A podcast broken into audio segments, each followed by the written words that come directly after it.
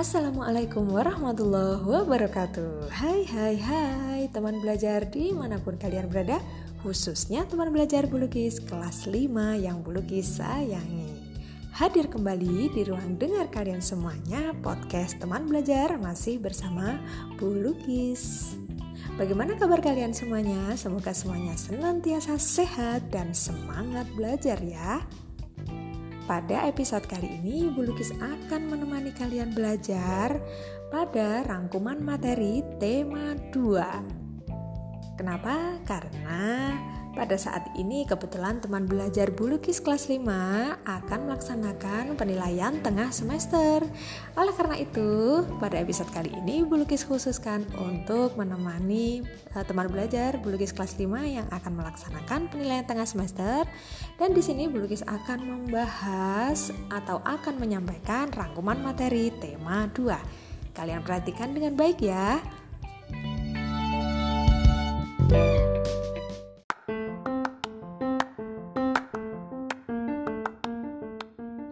Belajar, tema 2 pada kelas 5, kurikulum 2013 revisi 2018, yaitu tentang udara bersih bagi kesehatan.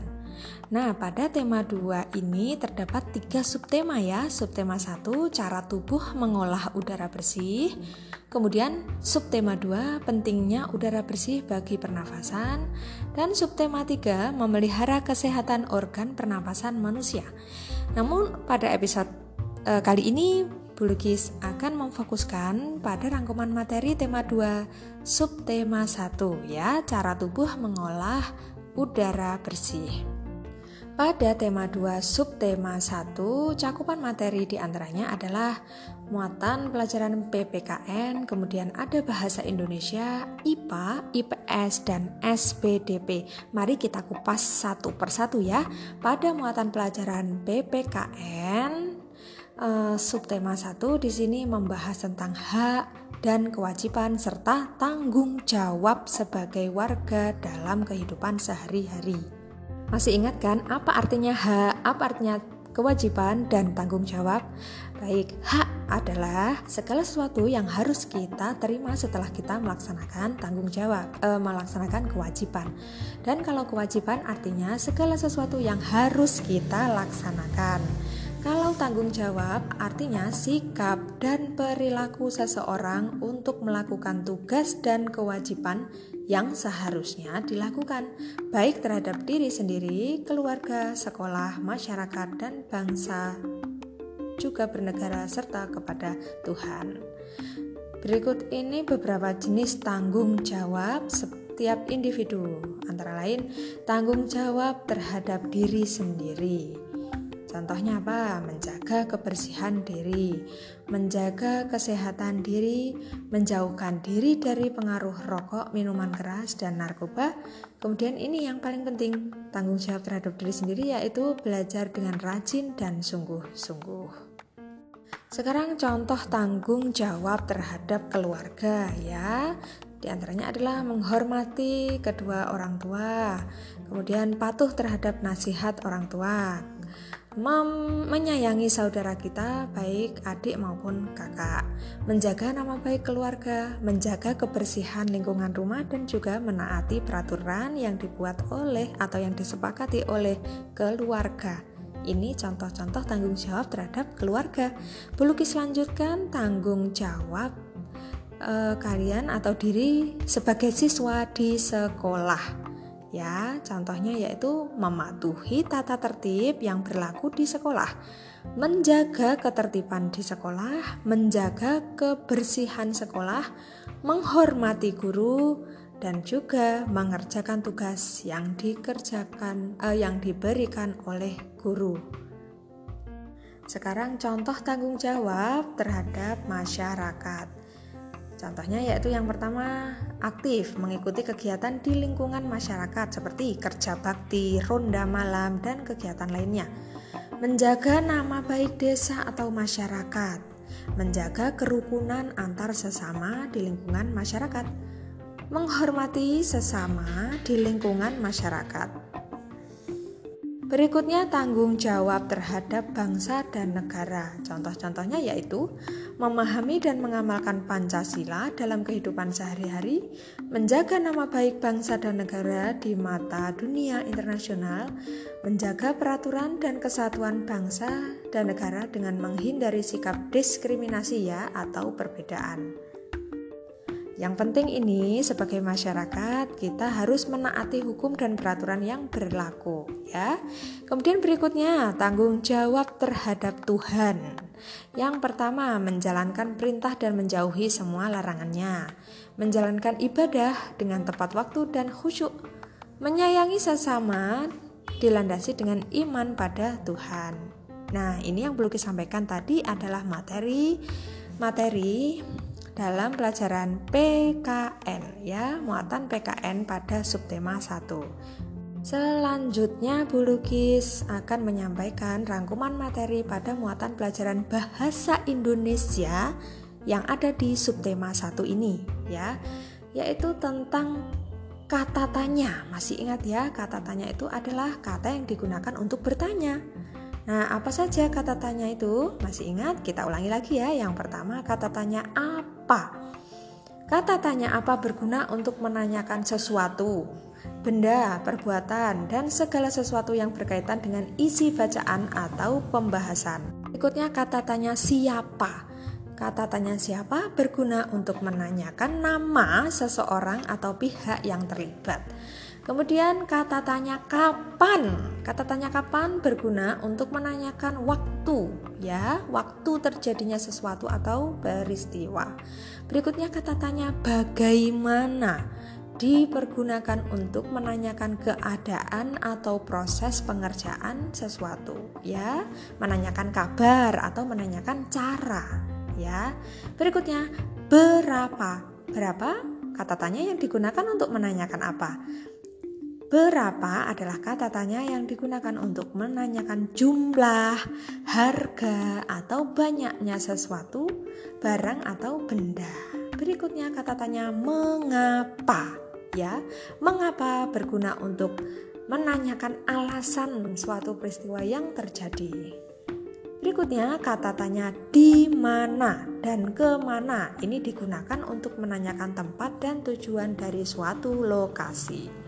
Selanjutnya, Bu Lukis akan menyampaikan rangkuman materi pada muatan IPA yang ada di subtema 1 ya, tema 2 subtema 1 tentang alat dan sistem pernapasan pada manusia dan juga hewan. Masih ingat? Kalau pada manusia alat pernafasannya hidung, tenggorokan, di dalam tenggorokan ada faring, trakea, laring, kemudian selang, e, bronkus, bronkeolus dan alveolus. Terjadinya pertukaran oksigen dan karbon dioksida di alveolus ya, diingat-ingat ya. Terjadinya pertukaran oksigen dan karbon dioksida ada di alveolus. Sekarang boleh disampaikan alat pernafasan pada hewan. Hewan mamalia atau hewan menyusui itu bernafas menggunakan paru-paru ya. Jadi semua hewan yang menyusui itu bernafas menggunakan paru-paru. Kemudian kelompok hewan reptil atau hewan melata bernafas juga menggunakan paru-paru. Kemudian kelompok hewan pisces atau ikan bernafas menggunakan insang.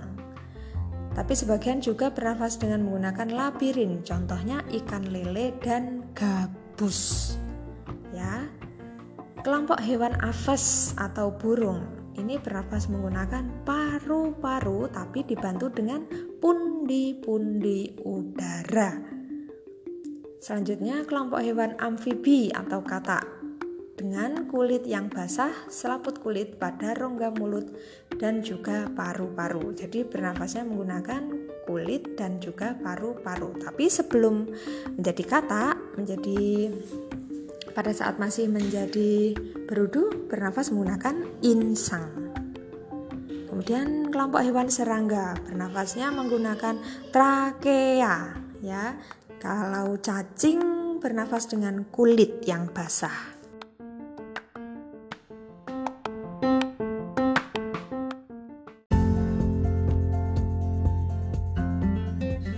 Baik, pelukis lanjutkan. Kalau tadi pelukis menyampaikan rangkuman materi muatan pelajaran PKN, IPA, dan Bahasa Indonesia, kali ini akan pelukis sampaikan rangkuman materi pada tema 2 subtema 1 tentang IPS dan SPDP.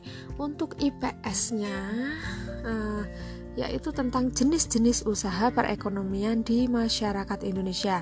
Jadi ada berbagai jenis usaha perekonomian yang eh, ada di masyarakat Indonesia apa saja? Yang pertama pertanian atau disebut juga dengan agraris.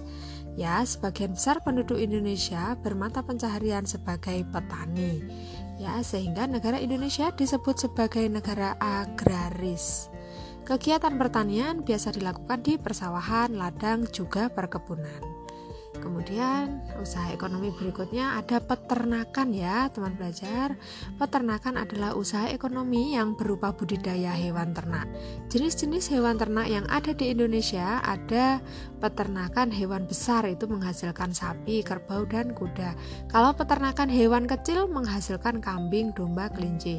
Dan peternakan unggas itu menghasilkan ayam, itik, mentok, ya, angsa dan burung. Kemudian usaha ekonomi berikutnya adalah perikanan. Perikanan di Indonesia dibedakan menjadi dua macam, yaitu perikanan darat dan perikanan laut.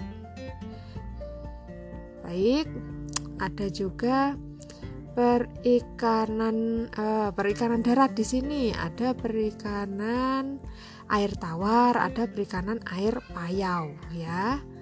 Kemudian kalau perikanan laut contohnya usaha menangkap ikan di laut dan di pantai hasil yang didapatkan berupa berbagai jenis ikan laut, kerang, rumput laut dan mutiara. Usaha ekonomi berikutnya yaitu kehutanan. Ya, jadi selain hutan sebagai paru-paru dunia, hutan juga bisa menghasilkan barang baku untuk produksi.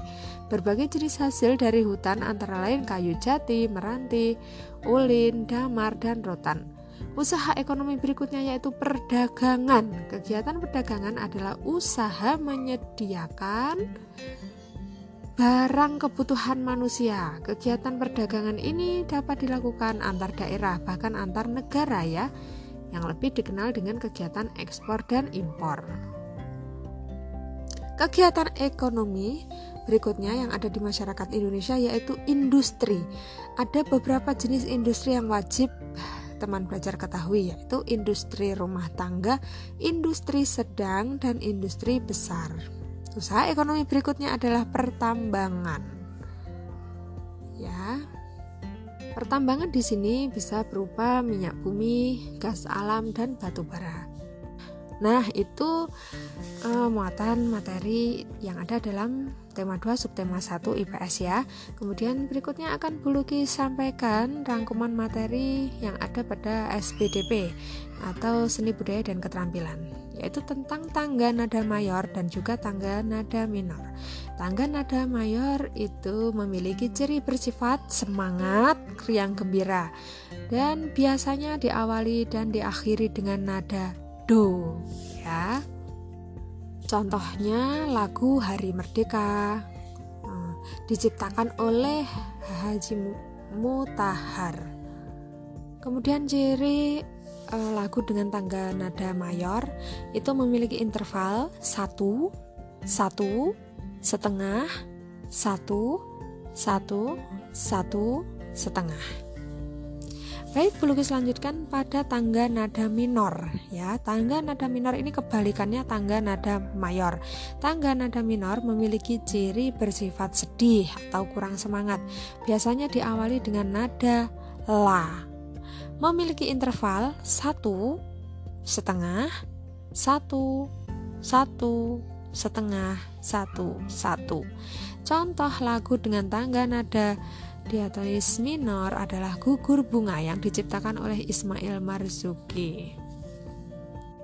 Kemudian untuk SPDP ada properti tari. Masih ingat ya, properti tari itu adalah benda-benda yang digunakan untuk melengkapi ketika melakukan tarian ya. Bisa topeng properti ini bisa topeng bisa selendang bisa payung kipas dan sebagainya tujuannya untuk mempercantik atau lebih memperindah tarian Baik, sekian dulu rangkuman materi yang belum disampaikan pada tema 2, subtema 1, kelas 5, kurikulum 2013, revisi 2018.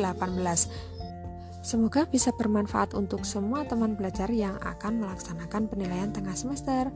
Terima kasih, sampai jumpa pada episode berikutnya, pada episode-episode podcast teman belajar. Podcast teman belajar, belajar bersama teman bersama kita, cerdas berkarakter dan berprestasi. Bye bye. Wassalamualaikum warahmatullahi wabarakatuh.